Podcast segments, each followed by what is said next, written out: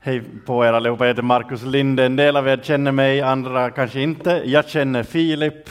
Det, det, det var en glädje att, att, känna honom genom åren som jag bott i Finland också. Mun vaimo on suomenkielinen, mutta minä ei puhu paljon suomea. Eh, men vår dotter kommer bli tvåspråkig, det glädjer mig otroligt mycket. Vi firade hennes ettårs födelsedag här igår Eh, det började snöa på kvällen och jag, jag, jag, kände att det var precis som den natten förra året när hon föddes, så då började snön också ringla ner. Så det var en, en varm tacksägelse som fyllde våra hjärtan där på det och vi är tacksamma till Jesus också för, för att vi har fått en sån fantastisk dotter som lär oss så mycket om livet och som lär oss också mycket om Gud och hans faderskap och om Jesus, hur, hur han vill ta hand om oss. Eh, och predikan idag ska ju handla om, om Jesus i vardagen. Och jag kommer utgå ifrån Johannes evangeliet kapitel 21, verserna 9 till 13. Ehm, och jag kommer inte läsa det rakt av, utan jag kommer parafrasera det. Jag kommer läsa det så som jag upplever det när jag läser det. Eh, jag kommer berätta det på det sättet som jag har kontemplerat över det.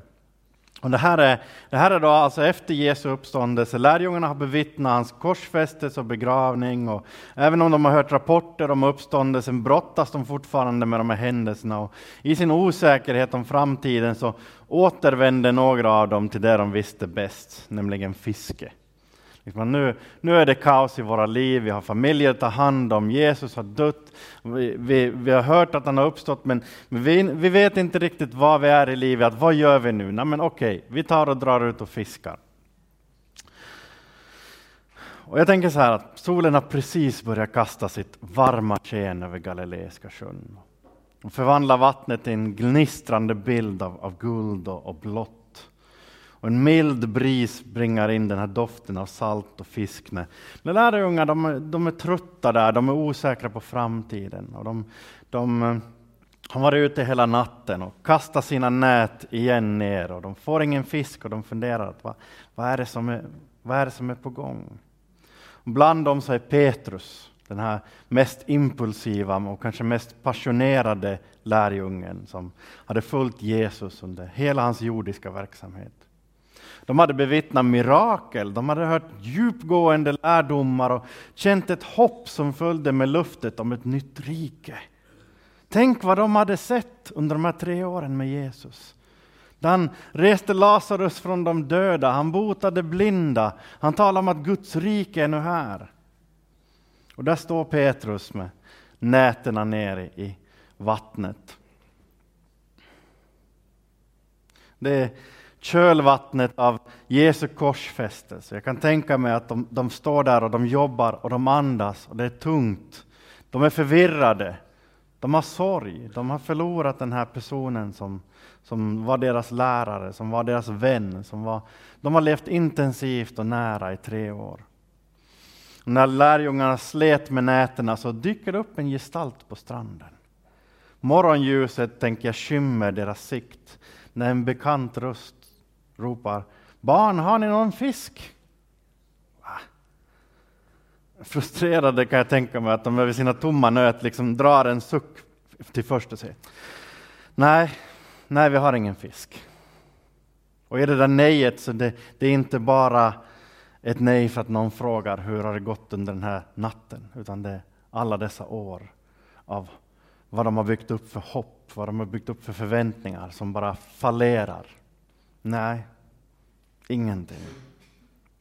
Men rösten uppmanar dem då att på något konstigt vis lägga nätena på andra sidan båten. Alltså det, det är en dumdristig grej att lägga nätena på andra sidan båten. Det är samma vatten. Det, vi brukar inte lägga ner på, på höger sida, vi brukar lägga ner på vänster sida. Nåja, vi har inte fått någon fisk. Det är lika väl så att vi kan, kan göra det. Och, och, jag kan tänka mig att de tittar på varandra och sådär. Nåja, låt oss göra det nu. Och de följer det mystiska förslaget och, och ner så dyker nätena i vattnet och, och där helt plötsligt så utspelar sig en mirakulös grej. Nätena fylls till bredden.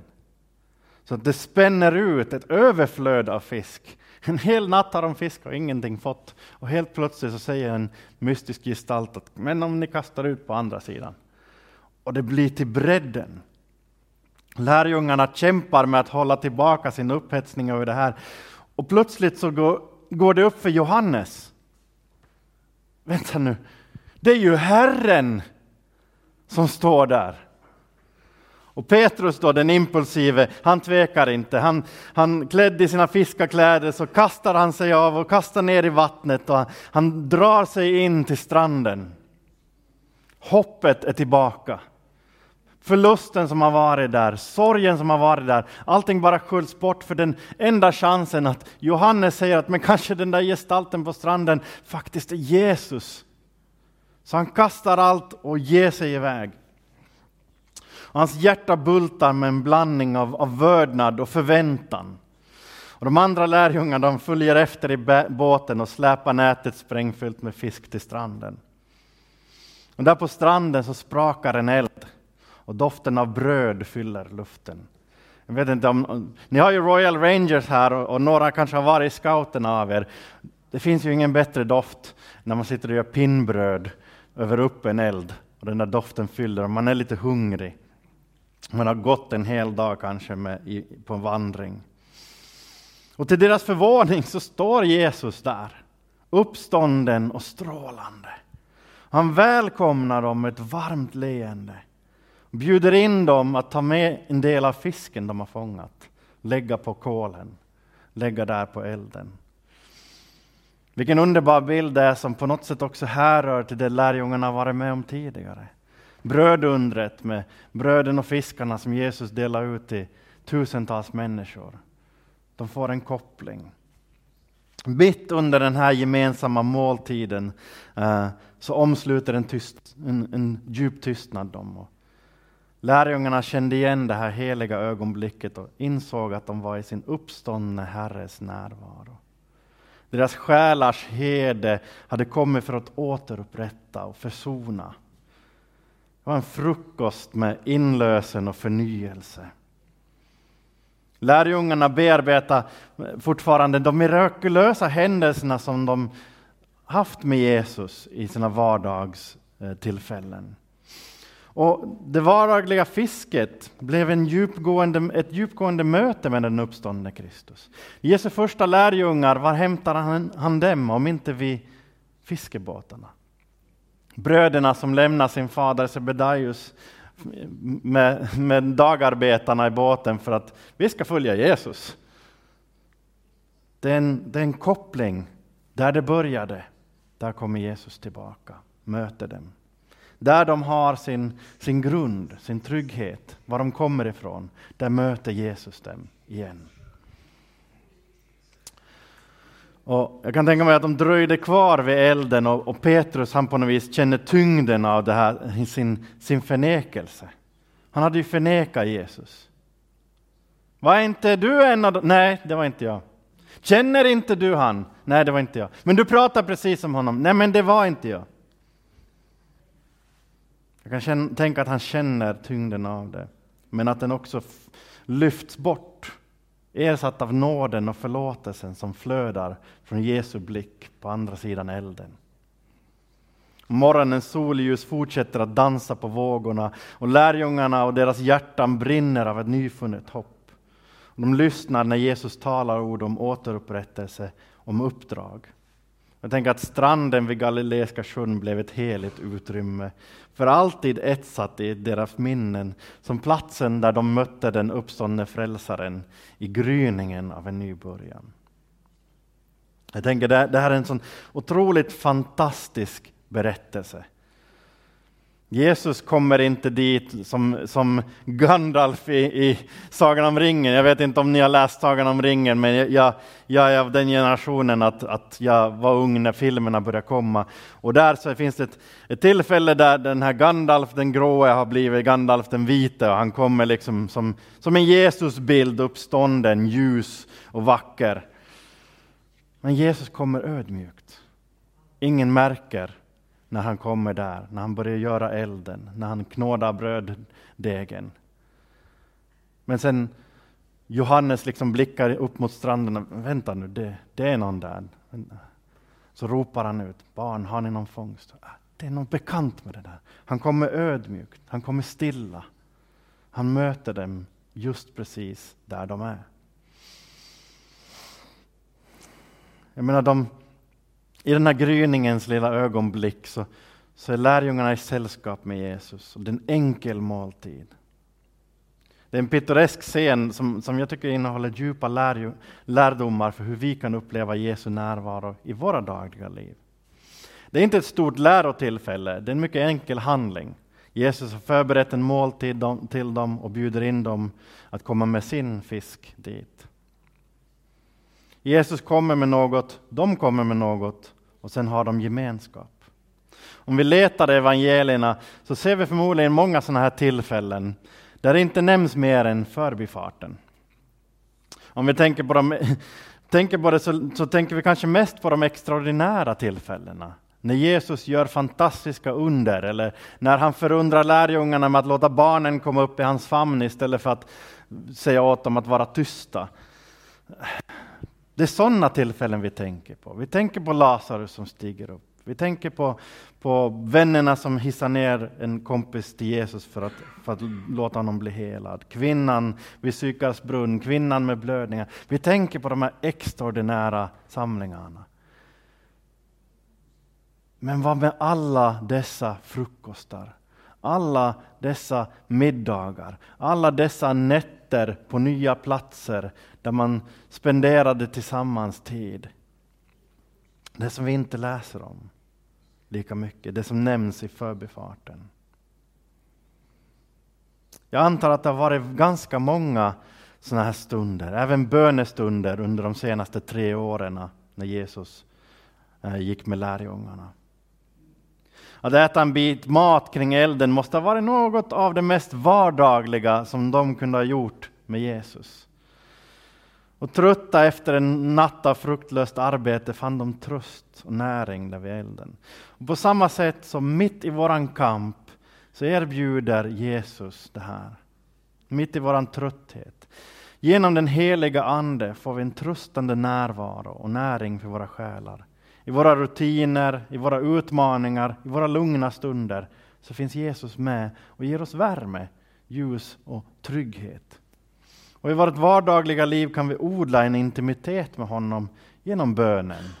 Meditera över ordet, Bibeln och, och medvetenhet om att hans närvaro finns där. Att den heliga Ande bor inom var och en av oss som är troende. Vi är den heliga Andes tempel, står det i skrifterna. Jesus finns där, där den heliga Ande verkar. Och den handlingen där med Jesus på stranden bär det här budskapet att Gud har ödmjukhet. Han har kärlek och han har villighet att möta oss i våra vanligaste stunder. På samma sätt är den heliga Ande i våra dagliga aktiviteter inte en avlägsen figur utan en följeslagare, en hjälpare som är villig att hjälpa oss även i de mest rutinmässiga aspekterna av våra liv. Oavsett om det är i arbete, i relationer med vänner, eller om det är personliga sysselsättningar som vi kan hålla på med. Jag vet att, att varje måndag, jag har ledig måndag som, som pastor, så varje måndag kring tio tiden så tar jag min dotter i vagnen och så går jag ut. Så börjar hon somna. Jag vet precis det här ljudet som hon för innan hon somnar. Och när hon somnar, då vet jag att nu har jag en timme med Gud. Då får jag trycka vagnen där i min vardag så jag får spendera den med Jesus, jag får be, jag får tala med honom medan jag går min, min sträcka förbi Mårtensdal till Varistorna och runt där i Vanda där vi bor. Och jag har en timme med Jesus. Det finns ingen som kan komma och störa den. Och jag vet att min, min dotter sover och, och mitt huvudansvar ut till andra är att jag är ute och går med min dotter, men jag är också ute och går med Jesus. Jag menar Jesus han engagerar sina lärjungar i dialog, han talar med dem. Han vill också tala med oss. I våra liv så får vi förstå vad Jesus eh, får vi förstå att Jesus vet precis vad som pågår i våra hjärtan. Det finns ingenting han inte vet. Därför tycker jag att, att frukosten vid sjön, där Galileiska sjön, fungerar som en vacker illustration av hur Jesus önskar att vara en del av vår vardag. Genom att känna igen hans tröstande närvaro, genom att odla intimiteten genom gemenskap med honom, bjuda in honom i de rutinmässiga aspekterna. Ska du laga kaffe, men, men tala med Jesus medan du lagar kaffe då. Det, det är enkelt. Är du ute och går, tala med Jesus. Det är ett underbart ställe att göra det. Genom att, att engagera oss i bön med Herren så kan vi också uppleva hans förändrande kraft i vår vardag. Han är den ständigt närvarande lågan som, som inbjuder oss att samlas runt honom och dela rikedomen och hans kärlek och hans nåd. Så vad har vi för exempel på Jesus i vardagen? Jag nämnde redan det här med bönen. Många, många kristna samlas kring just det här med bön. Och, och det, det, är den, den, kanske den, den mest enkla formen vi kan ha av kommunikation med Gud, är bönen. Men vad ska jag be då? Det är så svårt. Hur kommer jag igång med bön? Ja, det här, jag lyssnade på en, en, en amerikansk predikant som hade fått den frågan och hans svar till, till de som ställde frågan var, ni ska bara be.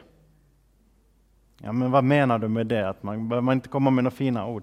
Nej, om du har vördnad i ditt hjärta, en, en kärlek för Jesus, så är det bara att använda vanliga ord med honom. Han är inte intresserad av vilka ord du formulerar med. Han är intresserad, inte intresserad av, av att du kommer på något sätt med en fin extern sak till honom. Han är intresserad av att faktiskt ha en relation med dig.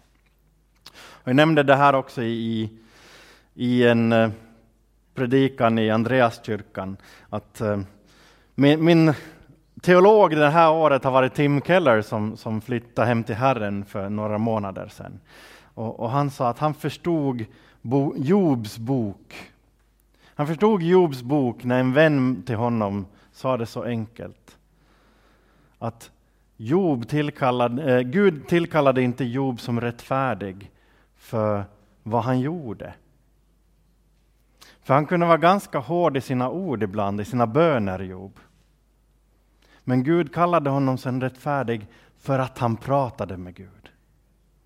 Han pratade med Gud när han var arg. Han pratade med Gud när han var besviken. Han pratade med Gud när han hade sorg. Han pratade med Gud när han hade problem och när han hade glädje.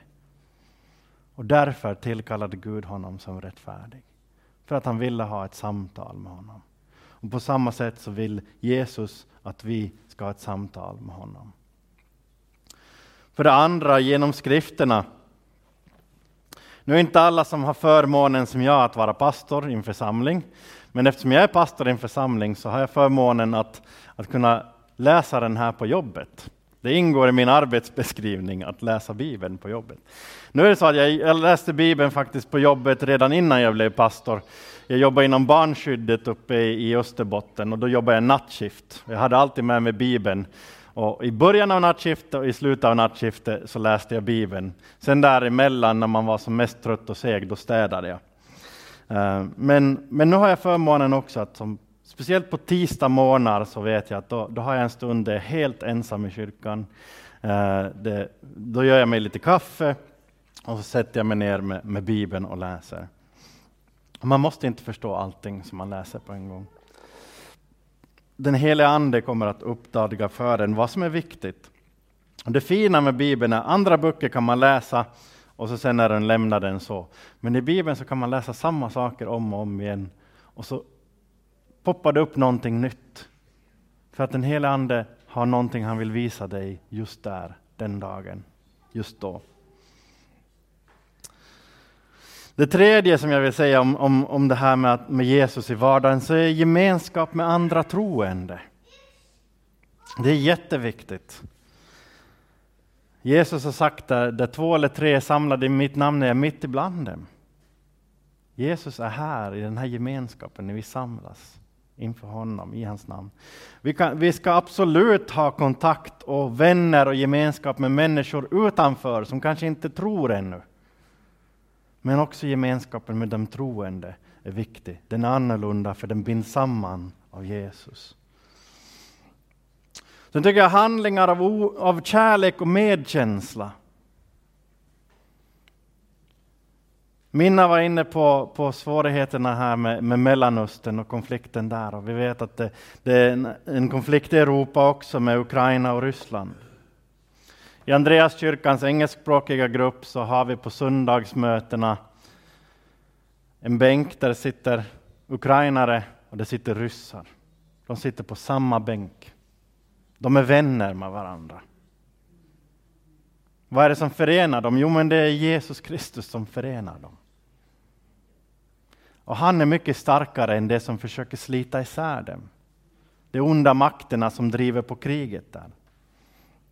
Och samma sak tror jag det också är i, i konflikten mellan Israel och Hamas. Vi behöver se att det finns också 0,2 procent kristna i Palestina som bekänner Jesus Kristus som Herre. De behöver få gemenskap. De behöver få medkänsla och ömkan. Vi behöver hjälpa människor som tror på Jesus att samlas tillsammans mot det som förenar oss. Vi behöver också visa medkänsla mot dem som är utanför, som ännu inte har känt den värmen som Jesus inbjuder oss in i den, vid elden där i stranden vid Galileiska sjön. Vi behöver visa en godhet mot dem som står utanför och längtar.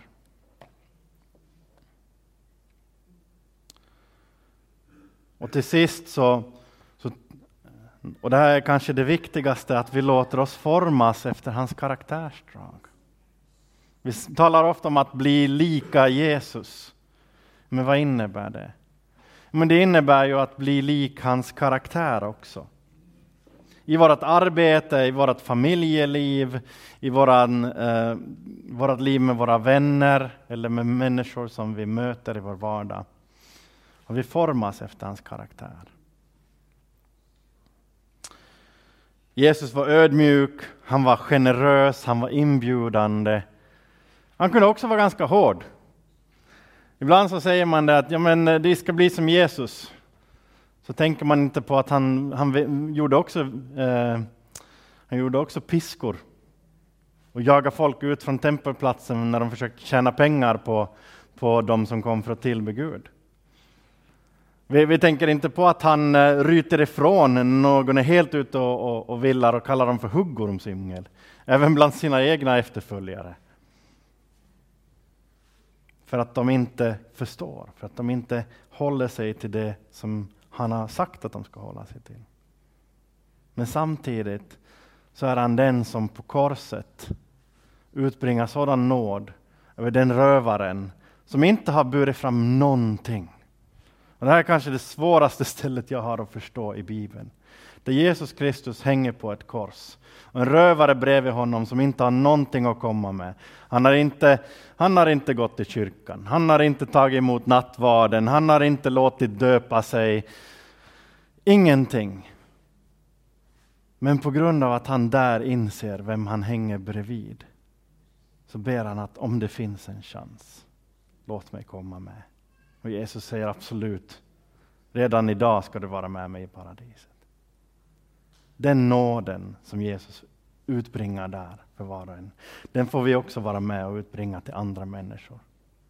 Jag har ingenting, jag har ett hemskt förflutet, absolut, kom med. Bara du tror. Det är bortskylt. En god broder eh, i tron sa till mig en gång, han, han frågade varför är du så snäll mot mig? Jag frågade, vad, vad, vad menar du? Du, du är i samma församling, det här var många, många år sedan. Um, så sa han att ja, men jag har blivit dömd för våldsbrott i min bakgrund. Så säger jag, ja okej, okay, men har du tagit emot Jesus? Ja, ja men det är bra då. Då har du ångrat dig? Jo, jag har ångrat mig. Ja, då är det bra då. Då fortsätter vi på det. Du har suttit av ditt straff, du har bett Herren om förlåtelse. Det räcker för mig, för det räcker för Herren. Vi måste utsträcka nåd till honom. till andra. Så att leva med Jesus i vardagen så handlar om de sakerna. Att, att tala med honom, att dela gemenskap med dem som känner honom. Och det handlar om att utsträcka hans nåd och leva i hans karaktärsämnen varje dag. Um, det kan också ta sig uttryck. Man, man, nu går jag utanför vad jag tänkt säga, men, men eh, samma sak där. I, I det arbeten jag jobbat i tidigare som inte har varit inom kyrkan så har det funnits klara gränser för vad man får och inte får säga. Eh, du, får inte, du får inte tala om, om din religion med andra människor om inte någon frågar dig. Så jag, jag, på den tiden så använde man något som hette Wish om man ville beställa från, från Kina till exempel. någonting. Så jag beställde en 5-euros lippis där det stod Y'all need Jesus. Ni behöver alla Jesus. Och den lippisen hade jag på mig varje dag när jag jobbade i, i flyktingbyrån och, och i, i barnskyddet. För det var inte någonting som sa om någonting om vad man får ha för kläder på sig heller, att folk hade ju allt möjligt stod på sina kläder. Men då kommer frågorna, är du kristen? Jajamän, nu börjar vi liksom. Så att inspirera samtal om sin tro med andra, det tror jag är viktigt, på det sättet man kan göra det. Eh, och jag tror att, att Gud ser det och jag tror att Jesus också som vill vara med i det, i din vardag, där du är och hjälpa dig med de olika sätten. Om det nu handlar om att ha en lippis på sig eller om det finns en miljö där du faktiskt kan säga någonting. Att engagera dig i, i dina vänners liv när de inte riktigt vet vad de ska ta sig till. Min mamma är en stor inspiration. När hon var tandhygienist i Sverige när jag växte upp så brukade hon ha bönemöten i omklädningsrummet. För folk visste att hon var kristen och de kom med sina bönämnen. De, de kom förstås med en sån här, jag är inte troende men, du som är troende, du kan ju be till den här Jesus för mig. Och så hade de bönemöte i omklädningsrummet. Jag tycker det är en, en sån där bra inspiration. Låt oss be tillsammans också för att Jesus får, får komma in i vår vardag. Herre, vi ber dig att du, Jesus Kristus, som kom för att dö för våra synder, ge oss förlåtelse och, och frälsning, Herre. Att vi ber att du skulle bli allt mer ständigt närvarande i våra vardagsliv. Om det så är våra böner, Herre, om det så är när vi läser ordet eller umgås med andra. Låt oss inspireras, Herre, av ditt liv här på jorden och din karaktär, Herre. Låt oss inspirera oss av, av din ödmjukhet att möta andra människor, Herre. Låt oss ta till oss, Herre, vad det innebär att älska andra av hela vårt hjärta också, Herre. Att älska dig och älska andra se till varandra för de som vi är i dina ögon, Herre. Låt oss hjälpa oss att hjälpa oss som kristna bröder och systrar att stötta oss i, i det att leva med dig i vår vardag. Låt oss ta med dig, Herre, till, till våra arbetsplatser, till våra gemenskaper, till våra familjer, Herre. Och låt du vara den som får regera i allas våra liv. I Jesu namn. Amen.